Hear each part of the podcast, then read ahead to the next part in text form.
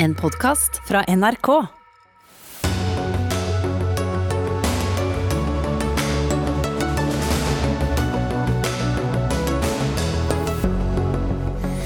Feil å prioritere koronavaksine til de eldre og de i risikogruppen, sier lege. Han vil heller prioritere helsepersonell og de med mange gode leveår foran seg. At USA nå trekker soldater ut av Afghanistan er først og fremst godt nytt for Taliban, hevder norsk seniorforsker. Regjeringen fraskriver seg et ansvar den ikke kan fraskrive seg når den lar kommunene ha siste ord i utbygging av vindkraft, kritiserer Unge Høyre og møter egen minister til debatt. Er det greit å kunne tape opp mot halvannen millioner kroner i måneden på hestespillet Rikstotto? Nei, sier regjeringen, som vil endre reglene. Det vil i så fall være dramatisk for hele den norske hestesporten, advarer Frp. Ja, Da sier vi god kveld og velkommen til Dagsnytt 18. Jeg heter eh, Espen Aas. Omtrent eh, akkurat nå begynner det også en pressekonferanse hos eh, det kriserammede Norwegian.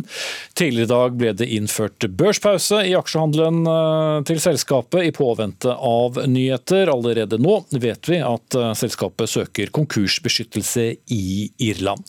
Du kan Se pressekonferansen på vår søsterkanal NRK2. Men vi tar også inn vår økonomikommentator fra denne pressekonferansen så snart den er over og det er nyheter å melde. Men nå vi starter med koronavaksinen. For de som jobber i helsevesenet og de med flest gode leveår igjen, ja de bør gå foran eldre og syke når vi skal prioritere køen. Det sier lege og spesialist i infeksjonssykdommer ved Reiseklinikken i Oslo, Gunnar Hasle. Men skal da de eldre fortsette å isoleres videre? Nei, ekspertgruppen som i går leverte sine anbefalinger til Folkeinstituttet, mener tvert imot at det er de eldre og syke som må prioriteres først. Og Vi skal debattere dette nå, men vi begynner med deg, Gunnar Hasle. Du er altså uenig da i, ekspertgruppens uh, forslag.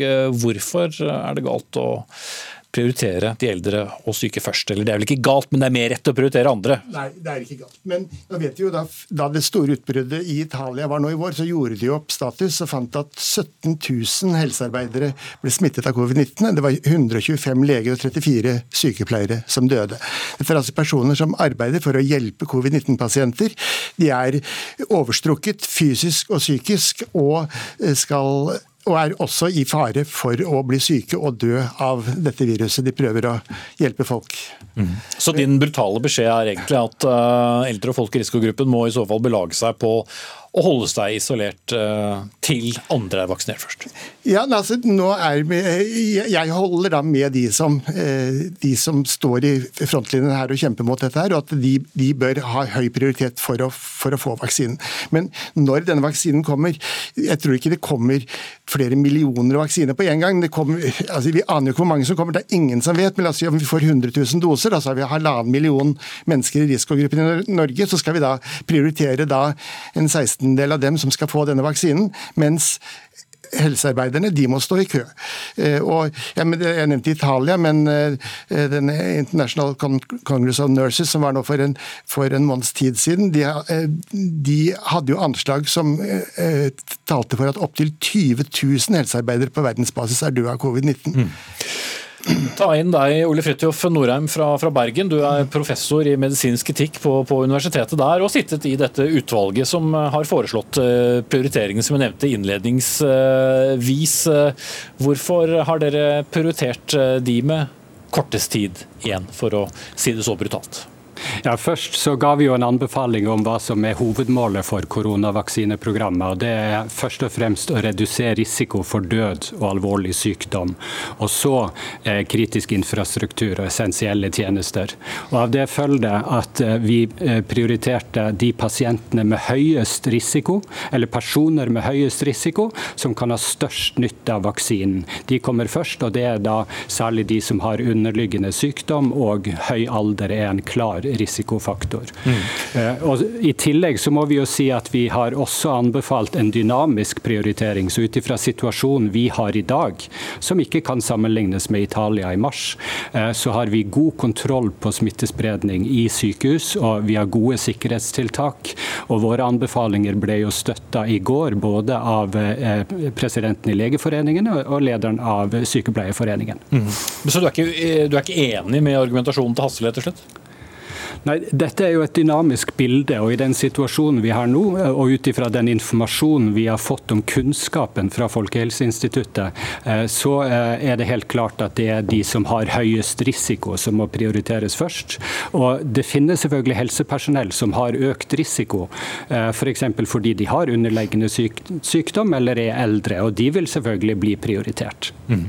Ja, Hasle, burde man da i så fall ikke heller Eller er det ikke like lurt å da gå inn i hvert enkelt eh, tilfelle på, på helsepersonell. Eh, og hvis man har underliggende sykdommer eller på annen måte er i, i, i risikogruppen, så vil man jo få tilgang eh, uansett. Mens friskere helsepersonell vil, vil, komme seg godt gjennom dette.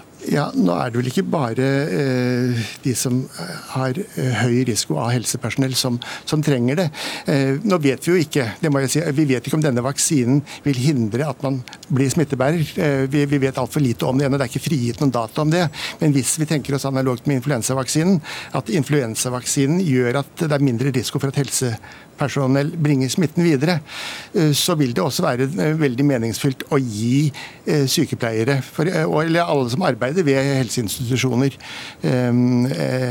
denne vaksinen. Men det er klart hvis det nå viser at en vaksine ikke beskytter mot smitte, men bare beskytter mot sykdom, så faller jo det argumentet helt bort. Men på, de fleste av de som dør nå, dør jo det er jo sykehjemspasienter, og det er klart skal vi se på hva som Jeg hørte jo han sa at de det er de som har høyest risiko man skal prioritere. Så det er klart, Skal man bare telle antall døde, så vil det mest risiko være å vaksinere de sykeste pasientene som er innlagt på sykehus, på sykehjem. Da vil du få det, det høyeste tallet reddede liv. Men i andre sammenhenger så er jo eh, antallet Eh, sparte leveår en veldig relevant parameter når man skal vurdere et helsetiltak. Og det, jeg ble veldig overrasket over at denne rapporten sier at vi, vi ser ikke på relevante Vi ser ikke på antall sparte leveår, vi ser på antall mm. liv. Jeg ble veldig overrasket over det. Kommentere det, Norheim. Ja, eh, Hasle har jo et poeng om at vi vanligvis prioriterer i Norge eh, når det gjelder f.eks. dyre kreftmedisiner ut ifra vunne leveår og ressursbruk og alvorlighetsgrad. Men det vi diskuterte i ekspertgruppen var at nå er vi inne i en pandemi. Eh, og Nytten av å redde liv, uansett alder, er, er, er, så stor, og den har indirekte effekter for samfunnslivet, for økonomien, for skolene våre. Eh, og Av den grunn så finner vi ikke at det å skille mellom eh, antall vunne leveår antagelig vil få så veldig stor betydning for prioriteringen, og at vi vil heller vektlegge dette med å redde liv og redusere risikoen for død og alvorlig sykdom. Og Hvis vi tar, følger disse eh, rådene rådene i, i, riktig rekkefølge, så vil vi oppnå veldig mange av de andre eh, målene som vi også har satt opp og anbefalt. Mm. skal ha inn en tredjeperson her eh, fra vårt studio i eh, Ålesund. For eh, der sitter du, eldreombud Bente Lund Jacobsen. Hvorfor burde ikke helsepersonell prioriteres for eldre? Nei, det, det, eh, dreier seg jo ikke om å, at noen skal få vaksine og andre ikke får den. Her er det jo bare en rekkefølge man snakker om. Og det er klart at uh, En vaksine mot en sånn pandemi utvikles for å redde liv. Uh, vi har størst mulighet til å redde liv i den risikogruppene som finnes. Og uh, jeg syns det er riktig, et riktig valg å ta. Det drar meg også over på en litt annen sak. fordi at eh, Disse risikogruppene de har vært veldig isolert over lang tid nå. Det går utover deres helsesituasjon. Psykiske helse er for mange begynt å bli en utfordring. Og, eh, og, også fysisk aktivitet er blitt redusert. Vi har over 160 000 eh, for så vidt ganske friske mennesker i Norge som er over 60 år, som isolerer seg i sine hjem pga. redsel for å bli syk og bli smitta så de går ikke ut. Eh, denne isolasjonen den kan gi oss eh, ganske store helseutfordringer når pandemien er over også. Mm. Ja, slik sett, Hassle, Hasle, så blir det jo et valg mellom fysisk og psykisk helse her? Ja, men, men så den gruppen som hun da snakker om, den, det faller jo ikke inn i den gruppen som Norheim sier er de som er sykest og har størst risiko for å dø. Eh, sånn som jeg tolker det, det Norheim sier, er at, at, vi behandle de sykeste.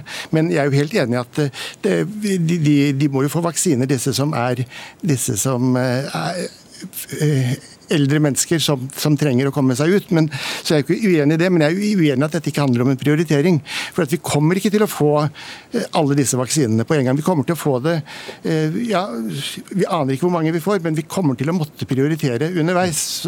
Ja, og Du, du kaller det jo dynamisk, eh, Norheim. Kan det ikke også være at vi plutselig må tenke annerledes den dagen vi vet hvor mange vaksinedoser vi f.eks. får i, i første runde? Jo, det er helt riktig. Så Ekspertgruppen har avlevert en midlertidig rapport eh, fordi at eh, situasjonen kan forandre seg. Så Hvis vi får betydelig økt smittepress, sånn at vi ikke har kontroll lenger og sykehusene må knele, eh, så vil helsepersonell bli prioritert først. Eh, så Dette er en dynamisk prioritering. Og Det andre poenget er at vi vet litt lite enda om hvordan disse vaksinene virker. Så Hasle har helt rekt at eh, hvis eh, vaksinen ikke beskytter mot smittespredning, så har det ikke så mye for seg å eh, vaksinere helsepersonell først. Og Det er den kunnskapen vi har i dag, og derfor har vi gitt disse rådene. Mm. Bente Jacobsen, det ville vel vært en viss trygghet også eh, for eldre dersom man visste at eh, helsepersonell var vaksinert, og at det slik sett var en mye mindre risiko for å bli smittet der. Og hvis andre grupper i samfunnet også ble prioritert, så ville jo uansett antall mennesker som det vil være fare for å bli smittet smittet av, ville vært lavere? Ja, nå håper jeg jo at helsemyndighetene våre har eh, tenkt at de skal skaffe en litt større eh, antall doser av den vaksinen, sånn at vi får eh, etter hvert også prioritert helsepersonell. For de er, de er, jo ikke prioritert langt nede på lista, de, er, de ligger jo i, i, høy prioritet, dem også. Og Det er klart at det er viktig for oss å, å få også vaksinert alle dem. Men eh, jeg vil igjen poengtere denne isolasjonen som har vært, og det er veldig viktig for eh, eh, den gruppene som har vært isolert. Og Vi snakker ikke bare om eldre heller. Det er mange yngre som også er i risikogrupper, som har alvorlig underliggende sykdommer. Mm. Og ja. vi, tenkte at det er viktig å få på plass en vaksine snarest nå, så vi unngår mer død i Norge pga. Uh, covid-19. Mm. Det er nok iallfall de aller fleste ennå, men jeg setter eh, strek der. Eh, så vet vi mer etter hvert når vi får tall på hvor mange og når vi får denne vaksinen. Takk til eh, Gunnar Hasle, spesialist i infeksjonssykdommer ved Reiseklinikken i Oslo. Ole Fridtjof Norheim, professor i medisinsk etikk på Universitetet i Bergen. Og eldreombud Bente Lund Jacobsen.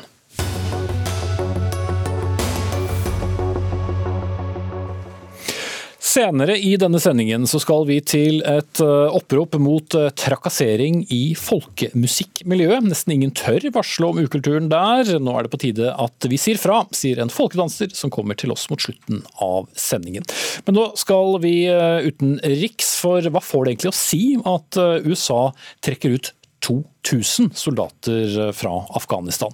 Nyheten kom i går, men president Donald Trump har lenge varslet at han vil avvikle landets engasjement i det krigsherjede Afghanistan. Allerede før avgjørelsen ble kjent, så sa Natos generalsekretær Jens Stoltenberg at prisen for dette kan bli svært høy. Fra og med 15.1 vil det kun være et par tusen amerikansk militære igjen i Afghanistan. Og Christian Berg Harpviken, seniorforsker ved PRIO, du har jo fulgt med i Afghanistan i veldig mange år. Hva betyr dette rent konkret eh, for Afghanistan, hvis vi skal se det på, på kort sikt iallfall? Altså, dette har jo vært varslet lenge, men nå kommer det brått. Og det kommer uten at det er lagt en skikkelig plan rundt det. Og det kommer midt i en fredsprosess som allerede er eh, vaklende.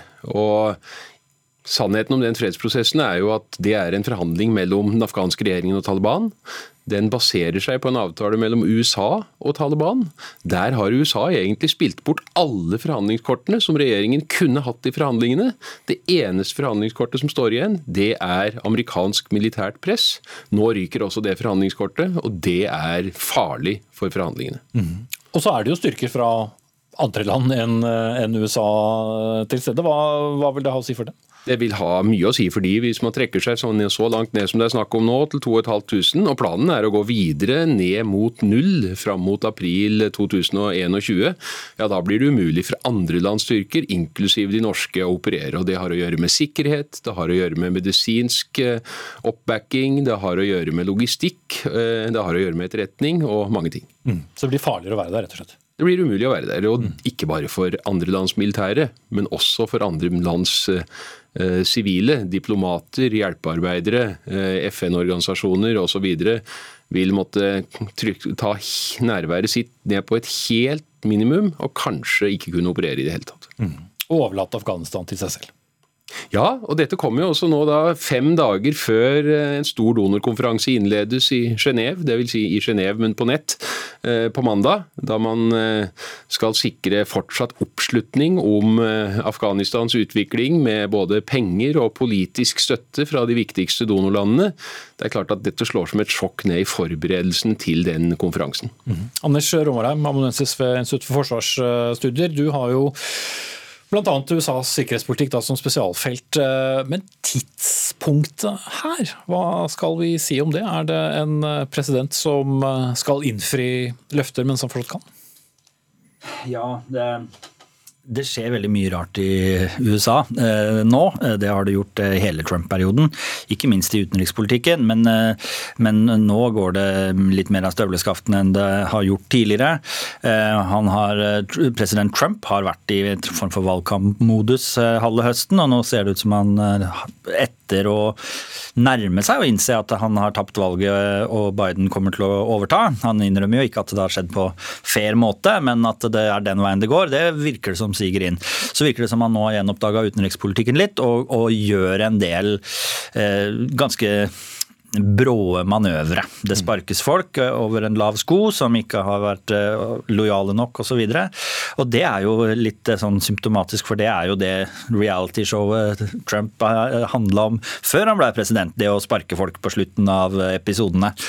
Så da var det 'you're fired', og nå var det jo senest han som hadde ansvar for valgsikkerheten som men, røyk i går. Men hvis vi holder oss til, til Afghanistan nå, har han noe å vinne på å ta denne litt drastiske avgjørelsen? For det er jo også folk i hans eget parti, eller republikanske parti i hvert fall, så får man bestemme hvor, hvor sterk tilhørigheten hans eh, er dit. Eh, men de advarer jo også. Ja, de gjør det. Eh, denne typen overilte handlinger, selv om som Christian var inne på her, dette har vært snakka om fra Trumps side lenge, så kommer det overraskende nå, og det kommer i en fase da normalen er et forretningsministerium ut av Det hvite hus som holder hjulene i gang og ikke legger altfor tunge føringer. Eh, Trump virker å ha en slags motsatt strategi, at nå skal han bruke den makta han har til å sette sitt fotavtrykk så grundig han kan på alt, og at det kan få en kostnad for Afghanistan og landets sikkerhet, det er, det er trist og opprivende. Mm. Men samtidig, det å bli værende i Afghanistan, for det er jo ikke noe sånn at ting er i ferd med å løse seg, langt eh, fra det, så har vel heller ikke USA så mye å tjene på, hvis du skal se det litt sånn innenrikspolitiske, på å fortsatt eh, være i en konflikt som, som, trekker ut og trekker ut, og hvor amerikanske liv eh, står i fare? Det kan du si. Eh, dette er jo blitt USAs lengste krig noensinne. Eh, hvor lenge skal Vesten stå der? Eh, men det er klart signaleffekten dette har inn mot Nato-systemet, der vi er opptatt av å avklare hverandres policy og, og, og, ha en binding og selvbinding til konflikten og gå inn sammen og ut sammen, der, der oppleves jo dette som litt opprivende. Men Afghanistan har jo opplevd forferdelig mye grusomt de siste 19 årene. Mm. Ja, og Harpekken, vi, vi, husker jo historikken med et sterkt uh, Taliban, terrorredselen, og så har vi hatt da denne endeløse borgerkrigen uh, som har uh, pågått med, med internasjonal tilstedeværelse. Men det er jo en viss tretthet selvfølgelig fra, fra mange som stiller seg spørsmål. Hvor lenge skal man forsøke å reparere noe som ikke ser ut til å la seg reparere? Nei, Det er jo en grunnleggende tretthet. og det er klart at Den militære operasjonen i Afghanistan som helhet har vært vært mislykka. Man har ikke oppnådd det man ville. Noen skylder på de sivile som ikke har gjort sin del av jobben, andre sier at militæret gjorde det umulig. Men uansett så er totalsummen at dette har man ikke fått til, sånn man hadde ambisjoner om. Og etter 20 år så må man faktisk eh, revurdere. Og så er det jo litt interessant å se da, at mens Taliban da har nærmest gått litt i sorgmodus over at eh, det var Trump som tapte valget, han har jo tross alt eh, vært godt nytt for de, så er Biden nå på vei inn. Den afghanske regjeringen har sittet og holdt tilbake på fredsforhandlinger fordi at de håpet at introduksjonen av Biden ville være godt nytt. At eh, det da vil bli en ny militær eh, forpliktelse, kanskje til og med en opptrepping. Det er jo helt urealistisk, for det Trump gjør nå, kommer ironisk nok til å være en gavepakke til Biden. Han kommer helt opplagt ikke til å gå inn igjen i dette militære eventyret etter at Trump har forberedt grunnen ved å trekke styrkene ut. Ja, Så slipper han rett og slett den eh, problematikken med lange kriger, og denne veldig lang, som vi er inne på. Men det er jo amerikanske presidenter som tidligere har også slitt med, med å arve kriger, slik som eh, Biden i hvert fall kan se ut til å, å slippe til en viss grad når det gjelder Afghanistan. Ja, det kan du nok si. Eh, Trump har jo eh, vært enormt aggressiv i retorikken sin utenlands og internasjonal politikk. Stadig skapt brudulje, gjort Nato-allierte usikre om garantiene der, og, og kanskje forpliktelsen til å stå, stå distansen i Afghanistan som vi nå ser. Men han har ikke starta de store krigene. Eh, og Vi skal huske at fredsprisvinner Obama var eh, tungt inne i Libya. Og Bush eh, hadde jo det voldsomt med store bakkekriger på sin vakt. Sånn at det, blir veldig interessant når vi ser Trump-presidentskapet i historisk kontekst, og får det litt på avstand. Og ikke minst å se hva Biden kommer til å gjøre med presidentmakten, og hvordan han kommer til å anvende amerikansk militærmakt globalt. Om det blir en hardere hånd, faktisk, eh, eller om eh, det er en nedskalering. Det siste er jo ganske sannsynlig, fordi USA er et land som per i dag har nok med seg selv og de egne opprivende konfliktene internt, og en økonomi som ikke lenger er den eh, store drivkraften som det var i global økonomi tidligere. Mm. Setter strek der. Takk til Anders Romarheim og Kristian Berg Harpekken.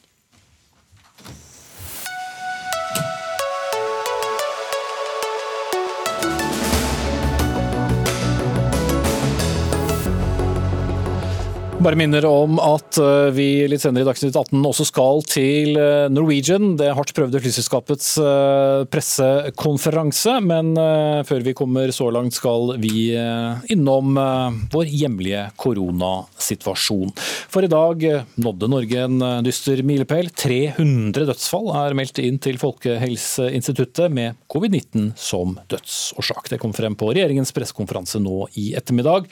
Sist uke ble det registrert 4000 nye smittetilfeller. Men Camille Stoltenberg, direktør i Folkehelseinstituttet. Hver dag bombarderes vi med tall som er enten høyere eller lavere enn uh, i går. Men hvis vi skal se det store bildet, hvordan er situasjonen? Det store bildet er at vi har hatt en gradvis og langsom smitteøkning fra august og framover til oktober. Eh, I første halvdel av oktober var vi bekymret, og særlig for situasjonen i Oslo.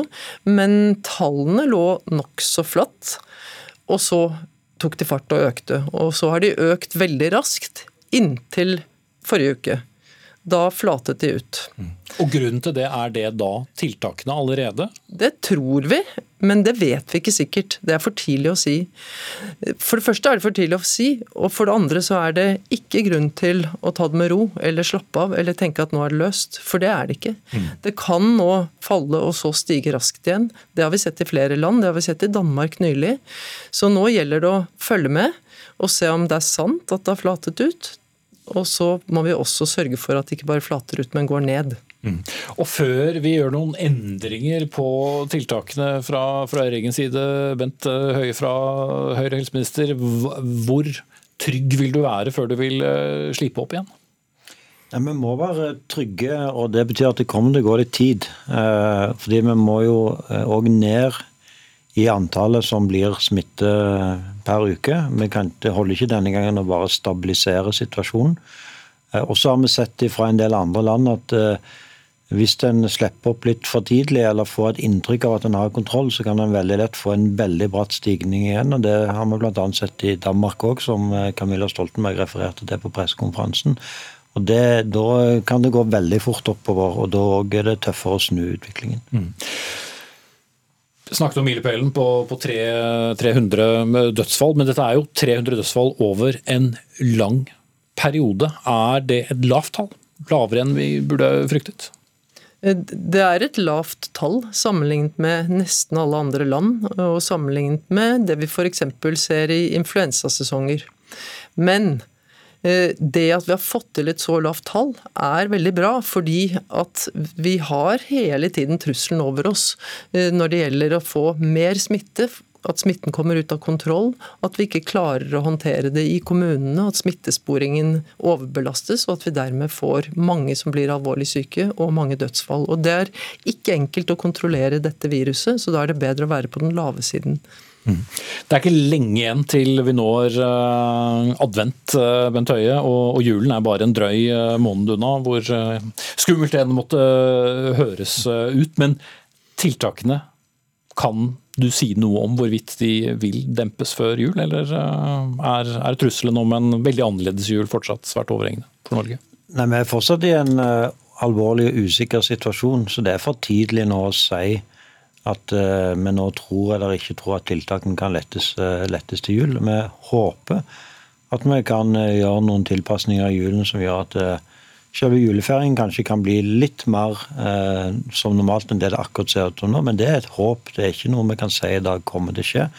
Fordi som Camilla Stoltenberg er inne på, vi er nødt til å være tryggere og vi er nødt til å se en annen utvikling enn det som vi ser akkurat nå. Mm. Men, vi, men, det er noen positive tegn, og det skal vi ta med oss. Mm. Men ikke slapp av. Men Camilla Stoltenberg, når det gjelder smittesporingen, hvordan er den nå? Hva vet vi om årsaken? Vi har jo snakket mye om bl.a. Eh, importert smitte. Altså Selve smittesporingssystemet er jo styrket vesentlig sammenlignet med eh, tidligere i år, og eh, det fungerer veldig bra i mange sammenhenger. Vi har sett at kommunene med sine smittesporere klarer å slå ned det ene utbruddet etter det andre. Men det er ikke tilstrekkelig. Og dessuten så er jo smittesporingen avhengig av at folk faktisk har testet seg. Eh, og vi har foreløpig en del hjelpemidler, men ikke noe ordentlig digitalt system som understøtter dette. Det var ikke planlagt for fra før, og det hadde heller ingen andre land. Noen land har fått det til litt bedre. De fleste kjemper for å få dette til parallelt med oss. Mm. Hvor mange dager til med utflating og, og, og gode nyheter eh, trenger vi før vi kan slå fast at de omfattende tiltakene som vi har i Norge, fungerer? Vi vil, jo, vi vil, jo, håpe at det går ned, ikke bare flater ut i løpet av de neste to ukene. Og at det skjer eh, ikke bare i deler av landet, men også i de delene som er hardest rammet, sånn som Oslo og Bergen. Mm. To uker, eh, Bent Høie, men ytterligere uker da med relativt eh, strenge tiltak for å fortsette å kunne holde på, på trenden?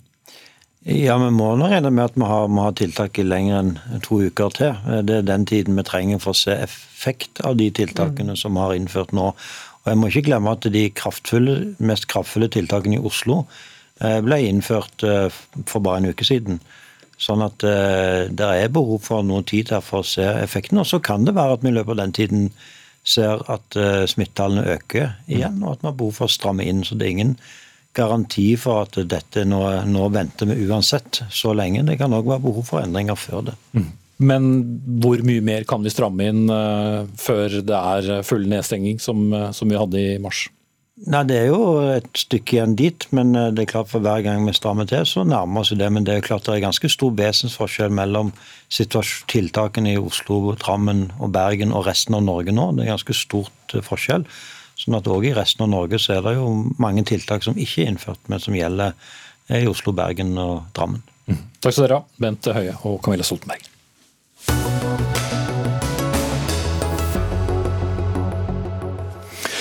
Og som nevnt, vi skal til eh, flyselskapet Norwegian, som eh, altså søker konkursbeskyttelse for eh, to datterselskaper i Irland. Det var klart før pressekonferansen begynte, og selskapet nå klokken 18. Det skjer altså som følge av at den norske regjeringen eh, jo som kjent sa nei til å støtte flyselskapet økonomisk under den pågående pandemien. Og Cecilie Langen Becker, økonomikommentator her i NRK, du har fulgt eh, pressekonferansen som startet for en halv eh, time siden. Hva slags situasjon er det vi nå har i Norwegian? Det er jo helt klart en veldig alvorlig situasjon for Norwegian nå. Det er jo derfor de går til dette ganske ekstreme skrittet og ber om konkursbeskyttelse i Irland. Og en konkursbeskyttelse det er jo egentlig akkurat det det høres ut som. Man beskytter selskapet mot en konkurs. Eh, man eh, beskytter seg mot at kreditorene nå kan be selskapet om, eh, om penger som de skylder. Eh, og man, venter at dette skal ta omtrent fem måneder. At man da i denne perioden skal eh, restrukturere gjelden i selskapet, kanskje få inn mer egenkapital. Og også kanskje komme seg ut av en del av disse leasingkontraktene, som eh, jo også koster selskapet dyrt. Så er det jo slik at eh, det å være kreditor for Norwegian har ikke vært noen dans på roser over lang tid. Eh, hvor, hva, hva, sa selskapets eh, ledelse om, om, hvor mye tid dette kjøper til, til Norwegian? Og de kan vel heller ikke nødvendigvis fortsette som de gjør i dag? Nei, er, eh, nå har de kjøpt seg eh, mellom 100 og kanskje 150 dager. Det er det den eventuelle konkursbeskyttelsen gir. Så må vi understreke da at de har søkt om konkursbeskyttelse. Det er ikke nødvendigvis 100% sikkert at de får denne konkursbeskyttelsen, men det får vi da altså vite i løpet av en, en god stund her. Eh, I løpet av noen dager, kanskje. Men det som er at når du også søker om konkursbeskyttelse, så man jo, bryter man jo faktisk også den kontrakten man har med kreditorene. Sånn at dette er jo ikke noe kreditorene kanskje er så fornøyd med nødvendigvis. Men de visste nok at det kom når eh, regjeringen eh, på forrige mandag sa nei til å gi selskapet mer økonomisk støtte for å klare seg gjennom denne krisen. Mm. Og, og, Da Norwegian-sjefen var her i studio, så varslet han jo en, en ganske drastisk nedskalering av, eh, av, selskapet. Men hva slags Norwegian vi, vi, får, det vil vi vel egentlig først få vite når vi vet hvordan det går med, med denne konkursbeskyttelsen og Norwegian da vet hvor mye tid den egentlig kjøper seg? Ja, og han, sa, han var heller ikke helt konkret på, på, hvordan selskapet kommer til å se ut i andre enden, men det som er helt klart, det er at eh, Norwegian ønsker å satse mye mer på innenriks. De ønsker å kvitte seg med mye av denne langdistanseflåten. Det har lenge vært en del av eh, planen, men det rykker nå enda nærmere. Og det er noe, nok noe av det de ønsker å få til gjennom, disse, gjennom disse, denne lange perioden, når de da har konkursbeskyttelse, og virkelig få tatt ned denne langdistanseflåten og lage selskapet som de sier, eh, mer robust for fremtiden og for tiden etter pandemien. Og De har virkelig tro på at de skal eh, klare å holde seg på vingene, og at de også skal eh, komme sterkere tilbake igjen når man begynner å fly mer som normalt igjen. Mm, og til slutt, Cecilie Rangum Becker, Det betyr vel egentlig at veldig mye av den oppbygningen som Bjørn Kjos sto for i sin tid, nå tas ned, og Norwegian om ikke er helt tilbake til start, men langt på vei dit? Ja, dette nye Norwegian som det snakkes om, det jo, ligner jo mer og mer på det gamle Norwegian, eller i hvert fall planen om nye Norwegian. Eh, sånn at eh, ja, mye av det som Bjørn Kjos bygget opp gjennom mange år, det, det er forventet nå å tas kraftig tilbake. Mm. Takk skal du ha, Cecilie Langen Becker, økonomikommentator her i NRK.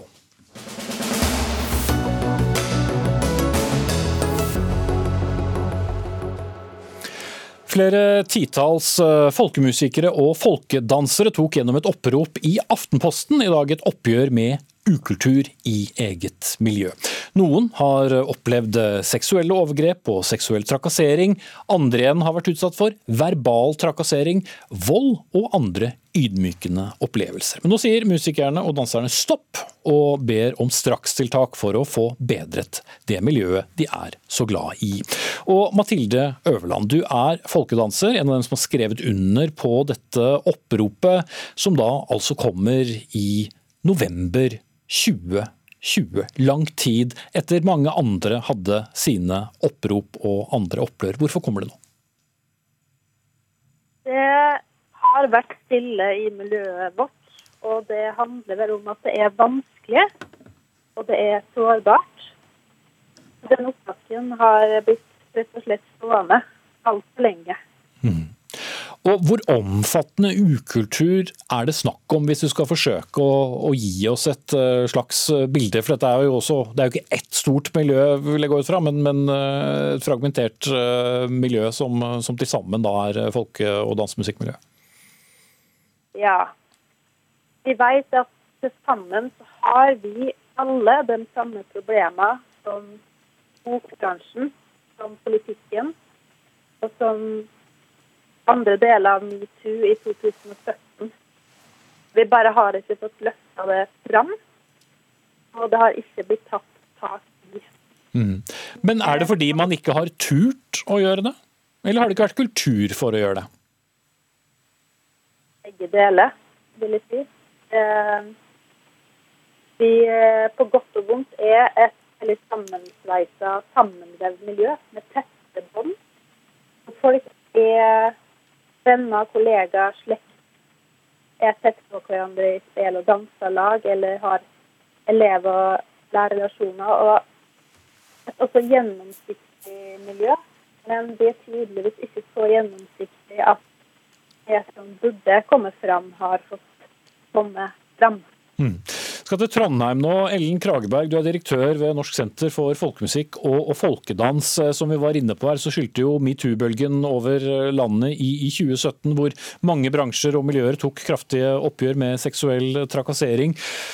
Hvor mye det bar frukter, er jo eh, et spørsmål fortsatt. Men stusset du over at det var tilsynelatende stilt i eget miljø? Ja, nå er jeg, jeg er ganske ny innenfor miljøet, så jeg har litt vanskeligheter for å svare på fortida. Men i hvert fall så er jeg, jeg er glad for nå engasjementet som kommer fra enkeltpersoner som ønsker å ta tak i dette her. Og da gir oss en mulighet til å gjøre nettopp det. Mm. Så det engasjementet skal vi ta vare på. Mm, men jeg går ut fra at du ikke var helt ukjent med, med dans og, og folkemusikkmiljøet, selv om du er relativt ny i, i stillingen? Nei da, det er klart at den i samværskulturen som, eh, som, vi har på bygda over hele landet, med å møtes eh, eh, til en dans og med god musikk i lokalet, den, den, kjenner jeg til, så jeg har jo noen erfaringer på det.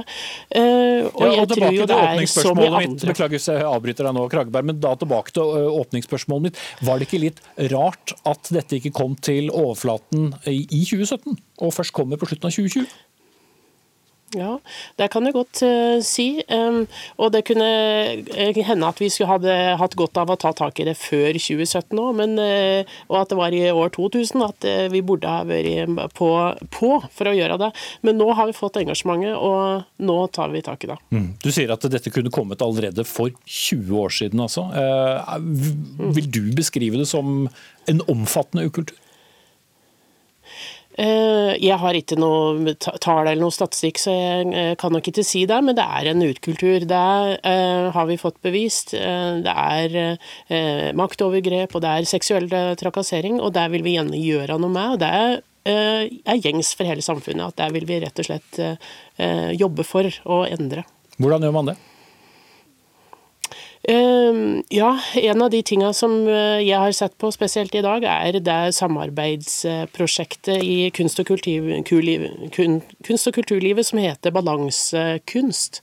Eh, der er det 90 organisasjoner som har gått sammen eh, om å jobbe fram et, en merkeordning for, for god håndtering av seksuell trakassering og diskriminering. Det er også en egen rådgivningstelefon. Så den vil vi fortelle om å fremme nå, eh, for vårt eget miljø. Mm. Statssekretær Gunhild Berge Stang i Kulturdepartementet for partiet Venstre. Jeg får jo stille det samme spørsmålet til deg. Det er altså tre år siden det store metoo-oppgjøret ellers eh, i Norge. Mm. Overraskes du over at det fortsatt dukker opp eh, historier om utbredt ukultur innenfor kulturmiljøet? Uh, nei, jeg, dessverre så er jeg ikke overraska over det, fordi at vi vet at eh, omfanget av seksuell trakassering er omfattende. og det, det, Vi ser det i arbeidsliv, vi ser det i organisasjonsliv og i, ja, i store deler av samfunnet. Um, og eh, vi sliter med å, å, få statistikken til å gå riktig vei. Um, så at det stadig vekk dukker opp nye vitnesbyrd om hvor omfattende problemet er. På en måte er det trist fordi at det bekrefter at, vi, at vi har en stor jobb å gjøre, men på den andre siden så er det òg bra at, at, at, det blir, at flere og flere ytrer seg om dette her. For det har heller ikke vært noen selvfølge. Og jeg, jeg, meg å, jeg, jeg har jo selv vært leder for Norges ungdomslag, som er en av folkemusikkorganisasjonene det ble pekt på. Det er noen år siden. Men, og det var på en måte, det er, ikke, det er ikke mange år tilbake til at det var på en måte ikke en dagsorden for å for å snakke om disse tingene, eller belyse det eller problematisere det, eh, slik som det faktisk er blitt i dag. Så det er på en måte et sunnhetstegn òg at eh, det stadig vekk kommer opp nye vitnesbyrd som, eh, som, vi kan ta tak i. Jo, men samtidig så har vel ikke de innenfor dette miljøet vært i et vakuum. Og mens det var altså opprop på opprop i andre deler av kulturbransjen, så satt noen bare med hendene i fanget. Det må jo ha vært et, et form for lederskap her, som enten ikke så eller valgte å ikke se? Altså det som er at I, i organisasjonslivet har, eh, og denne type miljø, eh, som jeg har selv vært en del av, så har du ofte en veldig sånn så er det på en måte miljø som først og fremst har veldig mye positivt med seg. Det er samholdet og de fellesskaps, eh, fellesskapsbander som blir, som, eh, som blir, skapt der, har først og fremst en veldig stor positiv eh, verdi. I, og Du får litt sånn definerte miljø, og du får eh, forbilder og alt dette her. Og, men så kan det òg skje at det det, danner seg usunn, kan danne seg usunn organisasjonskultur i et, i et avgrensa miljø. Eh, men, men, eh, men, men eh, så, så, det er ikke Det er først og fremst mye positivt med disse miljøene. Og så må vi innse det at det, her er det ting å ta tak i. Og vi prøver fra, fra regjeringens side og, og har et sterkt fokus på dette her. Men det er òg viktig at kulturlivet tar tak i dette sjøl. Mitt inntrykk er jo òg at, at, at at både gjennom balansekunst og, og, på andre måter så prøver organisasjonene nå å sette søkelys på dette, og det er veldig bra. Mm. Jeg setter eh, strek der. Takk skal du ha, Gunhild Bergestang, statssekretær fra Venstre i Kulturdepartementet. Takk til Mathilde Øverland, folkedanser og med på oppropet, og Ellen Kragberg, direktør ved Norsk senter for folkemusikk og folkedans.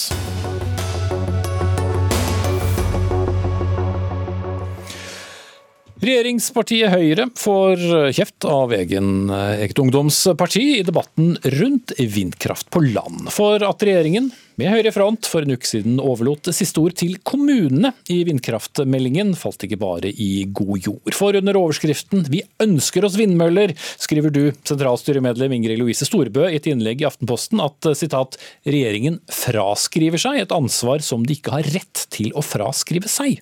Hvordan da? Nei, jeg mener jo oppriktig at fornybar energi er noe av det aller viktigste vi kan satse på. Og så er det sånn at Vi trenger mer fornybar energi. Vi er nødt til å bygge ut mer fornybar energi. og Da kan ikke vi legge det ansvaret over på kommunene.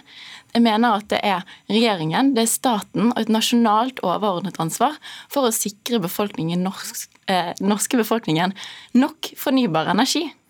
Men det er veldig omstridt. Det vet eh, alle som ytrer seg om eh, vindkraft, enten eh, de mener det ene eller det andre. Mener du da at regjeringen nærmest kvittet seg med et problem? Ja, Man ser jo i andre tilfeller også, så har jo dette skjedd tidligere. Når eiendomsskattdebatten ble for stor, så skjøv eh, regjeringen fra seg ansvaret og la ansvaret opp på kommunene. Det samme gjelder med kommunesammenslåingen. Så ble ansvaret skjøvet over på kommunene. Og Det samme har skjedd med vindkraftdebatten også. Nå har det blitt kommunene sitt ansvar. Og Det som bekymrer meg aller mest, det er når flere ordførere i kommuner går ut og sier at de ikke har behov for vindkraft, for de trenger ikke pengene. Da har debatten blitt helt annerledes. Mm. Da handler det om økonomi, da handler det ikke om fornybar energi lenger. Og mitt problem da er at vi trenger mer fornybar energi. Det er det vi må diskutere, og da må vi finne en bedre løsning. Mm. Ja, gratulerer med dagen, eh, olje- og energiminister Tina Bru. Det var den, eh, det skussmålet fra, fra, ungdomspartiet. Du er jo også nestleder i, i, Høyre. Gjorde dere livet litt enklere for dere selv med å la siste ord bli liggende hos kommunen? Altså først og fremst så har jeg veldig sympati for argumentet om at vi trenger mer fornybar kraft. Jeg er helt enig også i det resonnementet. Det kommer vi til å gjøre i årene fremover. For vi har noen veldig ambisiøse klimamål vi skal nå, og det kommer til å kreve mer kraft i et langsiktig perspektiv. Men så syns jeg kanskje det er litt urettferdig å si at det er regjeringen som har lagt opp til dette, for det var jo ikke dette regjeringen foreslo eh, når vi la frem vindkraftmeldingen. Så tok ikke vi til orde for å overføre behandlingen av disse sakene til plan og bygg, altså til kommunalt nivå utelukkende, men at vi mente at energiloven skulle være rammeverket, fordi nettopp det er et nasjonalt hensyn blant mange andre. Men eh, så må jo vi også ha flertall i Stortinget, og det har vært forhandlinger der, og der valgte også Høyre helt riktig å være med på et forslag om å flytte det over i plan- og bygningsloven, eh, men også fordi at det sikret oss gjennomslag for alle de andre innstrammingene som vi hadde foreslått på vindkraftområdet. Fordi det er ingen tvil om at denne debatten er veldig veldig betent. Det er stor motstand mot å bygge med vindkraft. og jeg mener at Skal vi overhodet ha sjans til å få til det, også i et perspektiv hvor vi trenger mer fornybar energi, så må vi ha bedre lokale prosesser mm. og snu måte litt viljen eh, og bidra til lysten til å gjøre det. Mm. Men er du uenig i Storbøs uh, argumentasjon om at det er vindkraft på land vi trenger, eller er da et argument at uh, vindkraft kan bygges til havs, og at vi kan få fornybar energi andre steder. For det er jo ikke tvil om at det nok blir bygget ut langt mindre vindkraft på land ut fra debatten vi har nå i, mange kommuner. Det er helt riktig at det kommer til å bli bygget mindre vindkraft på land i årene fremover. Det skyldes ikke utelukkende debatten, men det skyldes også det at det har ikke vært konsesjonsbehandling av nye prosjekt på en stund, og det tar tid å fremme sånne, sånne prosjekt. Men jeg tror vi kommer til å trenge eh, en blanding av mange ulike former for fornybar energi for å kunne oppfylle de målene vi har satt oss. Så vi kommer til å trenge også mer vannkraft. Derfor eh, la vi jo frem også i statsbudsjettet et forslag om å endre skatteregimet på vannkraft for å gjøre det eh, enklere for selskaper å utvide, oppruste, vedlikeholde vannkraftverkene for å hente ut mer kraft der. Mm. Men også i det perspektivet så må man tenke på at det har naturinngrep, ofte det òg. Så dette er en veldig reell problemstilling som kommer til å bli vanskelig i årene fremover. Mm. Og plutselig er det jo da din generasjon som vel er det som ligger litt under i argumentasjonen i, i det du skrev også, Storebø, som, som kanskje må ta den vonde uh, avgjørelsen. Ja, og det er det som er eh, situasjonen, mener jeg. At man ser eh, altså Vanligvis så er det jo eh, det nasjonale ansvaret om samfunns... Altså eh, kommunale prosjekter, jernbaneutbygging, bygging av flyplasser. Det er det nasjonale ansvaret, men nå har det da eh, vindkraft blitt et kommunalt ansvar. Og Det betyr at hvis det hadde vært et nasjonalt ansvar, så kunne Miljødirektoratet vært mer innblandet, og NVE. Mens nå, hvis det blir det eh, kommunene som har ansvar, så er det opp til plan- og bygningsloven. De har ikke like mye kunnskap som NVE eller Miljødirektoratet. Og det kan gjøre enda større konsekvenser for sårbare naturområder, som f.eks. myr. Mm. Jo, men Samtidig så vil det vel argumenteres også i mange av de kommunene hvor det har vært eh, startet eh, utbygging, at du vil få en også en bedre prosess med en større form for uh, lokalt uh, demokrati, enn at vi får en situasjon hvor mange lokalsamfunn, uh, særlig da ved kysten åpenbart, og, og på Vestlandet, blir dyttet på noe de absolutt ikke vil ha. Og Jeg har jo full forståelse for kommunene, for dette har skjedd feil.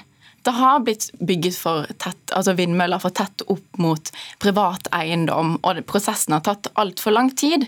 Men da mener jeg at man ikke burde se vekk fra den nasjonale rammeplanen fra NVE, og heller funnet måter for å forbedre den, for å ha en mer åpen diskusjon, og gitt f.eks.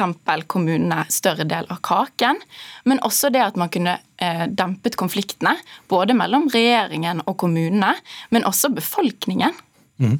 Ja, og det Vi lurer litt da på Tina Bru, uh, hva dere gjør i, i departementet. hvis man, eh, Det blir jo mye mer fragmentert prosess, da, i og med at kommunene må til sjuende og sist finne ut av dette selv. og Hvordan skal man da måle det opp mot det du sier er et, et stort behov for uh, grønn og, og annerledes energi? Altså jeg tror Kilden til den store konflikten vi har sett på vindkraft, skyldes i hovedsak at prosessene har tatt veldig veldig lang tid. At man har vært i en situasjon hvor en kommune har sagt ja til en konsesjon, og så har det gått mange år før den konsesjonen faktisk blir bygd.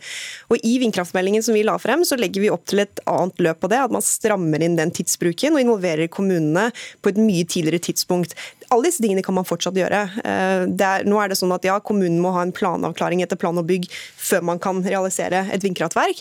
Så Det ligger jo også mer ansvar på kommunene, eh, men jeg har tro på at de vil være med å ta det ansvaret. Også fordi at prosessene som helhet blir bedre. og Det har nok vært litt nøkkelen her. At de har ikke vært gode nok tidligere og ikke hatt god nok forankring lokalt. Så Det er liksom der vi må begynne. Så kan man diskutere plan og bygg eh, opp og ned i mente, men jeg tror det viktigste her er at vi må få bedre prosesser. for Hvis ikke er vi i hvert fall sjanseløse, sånn debatten står nå Men jeg er enig, det var også derfor vi ikke opprinnelig gikk inn for det, og sa at dette er et nasjonalt ansvar, derfor må det ligge i energiloven. Men Stortinget skal også si sitt, og det er der vi har landet nå. Men totalt sett så har vi fått tror jeg, nå en bedre politikk for framtida, som vil gjøre det mulig også å bygge vindkraft, eh, men da med kommuner som må ha hånda på rattet eh, enda tidligere. Mm. Ville du brukt uh, ordene bedre kontrakt for framtida?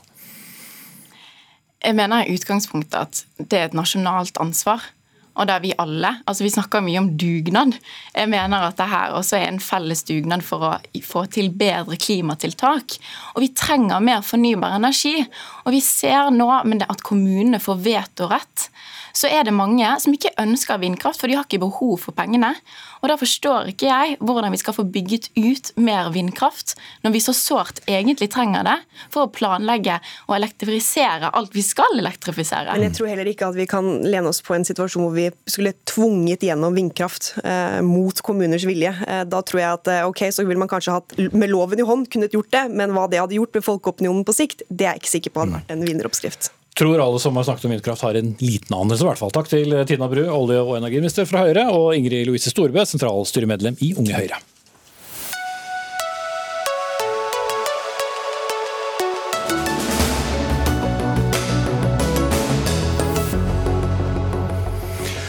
Så til slutt i denne sendingen skal det handle om pengespill. Spiller du hos Norsk Tipping, så kan du tape maksimalt 20 000 kroner i måneden. Mye penger det. Men satser du pengene dine på trav- og galoppspill gjennom Norsk Rikstoto, som er en egen stiftelse da med enerett på å tilby hestespill i Norge, så er faktisk maksgrensen satt til 1,5 millioner kroner i måneden måneden. Og dette har dere vært opptatt av, Olaug Bollestad, landbruks- og matminister og for så vidt litt lottominister i denne sammenhengen. Da, for dere krever da nye tapsgrenser. Skal det da harmoneres opp mot eh, der hvor Norsk Tipping er, eller hva, hva ser dere for dere? Nei, det er sånn at det er to hensyn å ta. Det ene er jo først og fremst å hjelpe de som er spilleavhengige. Det andre er jo faktisk òg å sikre spillemonopolet, ikke vinmonopol, men spillemonopolet. Og når Rikstoto eh, fikk konsesjonen for å kunne være den som skulle drive med hestesportspill i Norge, så var det et krav at det skulle innføres en spille- eller tapsgrense mellom 2017 og 2021. Og det er den vi holder på med. Og da tenker vi med at det å sette den på samme måten som man har gjort for, for Norsk Tipping, på 20 000 kroner, men samtidig så kan du ta med deg gevinst osv. fra før og spille opp den. Sånn at en har lagd et regelverk sånn at eh, vi skal verne de som sliter. Hjelpe de til faktisk ikke tape mer penger enn de faktisk har mulighet for.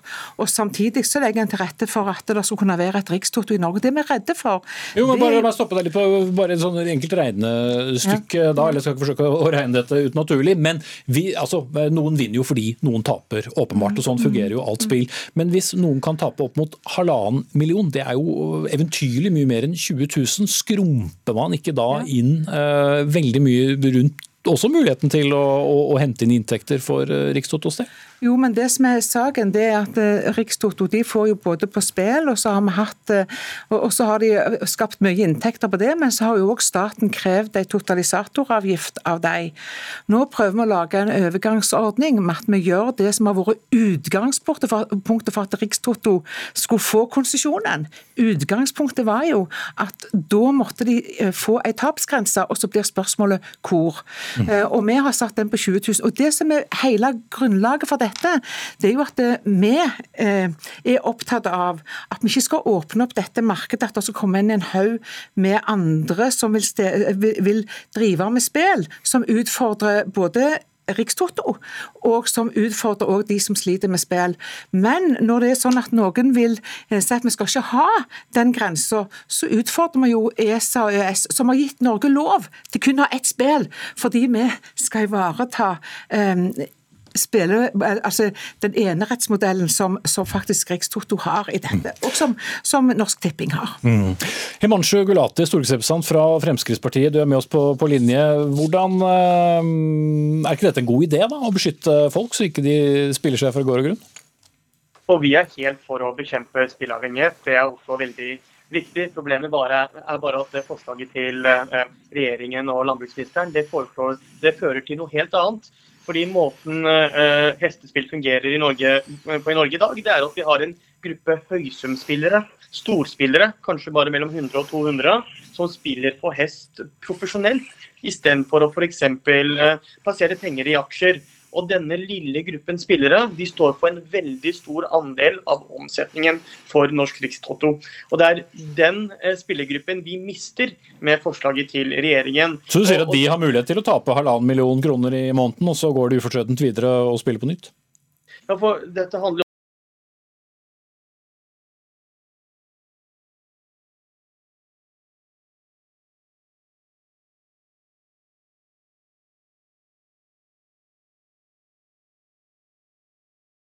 en, heste, en hestenæring som uh, står for nesten 16 000 arbeidsplasser. Så vi frykter, og hestenæringen frykter, at når man nå gjør som uh, Bollestad ønsker, så bekjemper man ikke spillavhengighet, men man, fører, man, man sørger for at en liten gruppe profesjonelle høysumspillere heller spiller på svenske og andre lands spillselskaper, og som gjør at norsk hestenæring taper penger. Mm, ja, Styggedommen kommer fort over internett og Bollestad? Nei, nå er det sånn at for det første så nå har vi gjort et grep for at ikke hestesporten skal tape penger. Hvis den hadde, eller ikke har tapsgrensa, men har den avgifta som, som, er kalt for totalisatoravgifta, da, eh, eh, da hadde de fått én inntekt. men de vil få mer inntekt med å ta vekk nemlig å gi tapsgrenser og ta vekk den, den, avgiften de betaler til staten. Mm, så staten skal ha, ha mindre i bytte mot at ja, tapsgrensen er mindre? Faktisk, ja, fordi at en, en ønsker jeg ganske like mye som Frp å redde hestesporten.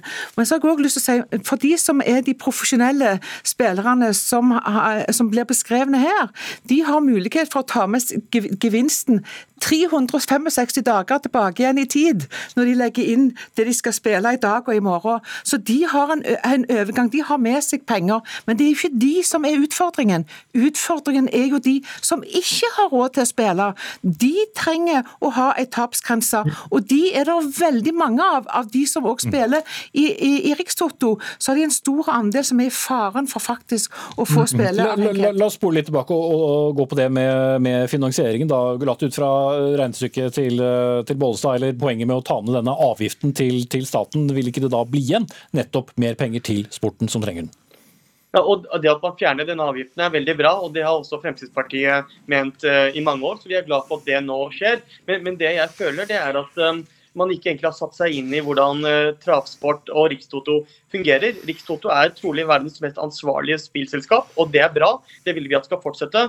Men veldig stor del av omsetningen på Rikstoto skjer jo for utenlandske travspill. Så hvis man, hvis man, spiller på Rikstoto i dag, så spiller man på V86 som foregår i Sverige. Og hvis Norge innfører tapsgrenser på Rikstoto, så vil jo mange av de som spiller på Rikstoto, spille på det svenske selskapet istedenfor, eller britiske selskaper. Så vi risikerer jo at uh, det eneste vi gjør, er at spillerne som vil spille stort og spille profesjonelt, de velger uh, svenske nettsider eller, eller britiske nettsider, på samme måte som vi har skjedd med, med Norsk Tipping. Jo, men Poenget er vel ikke at folk ønsker å tape mest mulig, folk ønsker vel stadig å vinne mest mulig. og Det er jo tapsgrensen man først og fremst regulerer her, Gulati? Ja, og, og, det er jo bra at folk eh, taper eh, mindre. Og hestesport er heldigvis også det man kaller grønn sport, altså ikke spillavhengig. Men, men man tar ikke inn over seg at mange av de, en liten gruppe av de som eh, satser mest på hestesport, de satser på dette som nesten et profesjonelt eh, yrke og de er med og finansierer hele norsk hestenæring. Ok, jeg, ja, Det har du nevnt. Men, du må ta svaret til slutt. Men, men, det som er hele saken, det er jo at Frp ønsker jo egentlig ikke at vi skal ha et spillemonopol. Dette er jo bare en del av det de ønsker. De ønsker jo ikke det. og da, Hvis ikke vi innfører en tapsgrense Som bryr seg ikke egentlig om travsporten? Nei, nei, sånn, utgangspunktet så har ikke vi, sa ikke vi um, Vi har gitt et lov om at skal vi ha et spillemonopol, så må vi òg ha en tapsgrense. Det gjelder for å kunne ha et spillemonopol gjennom ESA og EØS. Og Når vi har gitt en konsesjon ut ifra det, hvis, vi ikke, betaler, hvis ikke vi har det, så kan, så kan, ESA si vet du hva, dere får ikke ha et spillemonopol. Dere får åpne for alle andre aktører som ønsker å gi tilbud på spill. Og Da ødelegger det både for Rikstoto og det ødelegger for de som trenger at vi hjelper dem med å ha en tapsgrense. Mm. Jeg bryter deg om 20 sekunder, Gulati, men har du flere agendaer her? Nei, eh, altså vi er for eh, en annen innretning i spillmonopol, men det er ikke det denne debatten handler om.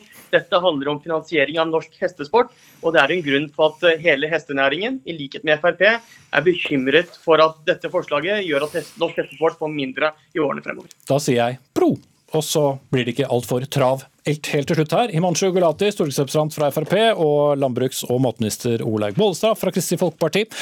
Vi er tilbake igjen med ny sending i morgen, vi. Ansvarlig for dagens sending var Dag Dørum. Stein Nybakk tok seg av det tekniske. Jeg heter Espen Aas.